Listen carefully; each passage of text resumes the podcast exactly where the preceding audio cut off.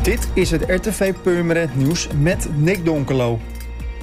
Burgemeester Don Bijl heeft op dinsdag 3 augustus twee drugspanden gesloten. Het betreft een woning aan de Stremselstraat en een bedrijfspand aan de Van IJsendijkstraat.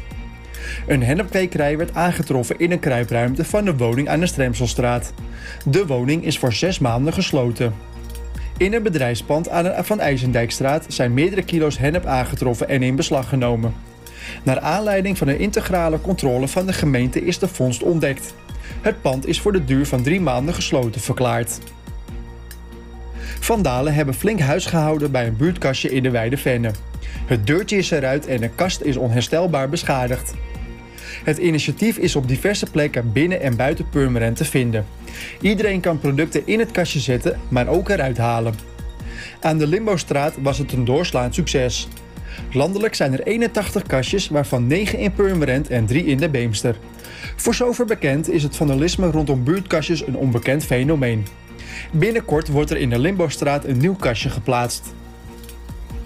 Geert Heikens heeft de BG Waarderingsprijs gewonnen. Hij is hoofdredacteur van het blad Binnendijks en doet hiermee verslag van het reilen en zeilen in de Beemsterse polder. Daarnaast vult hij zijn dagen met vrijwilligerswerk en het geven van rondleidingen door de Middenbeemster. In 2019 heeft Heikens op eigen initiatief het boek Beemster in beeld samengesteld.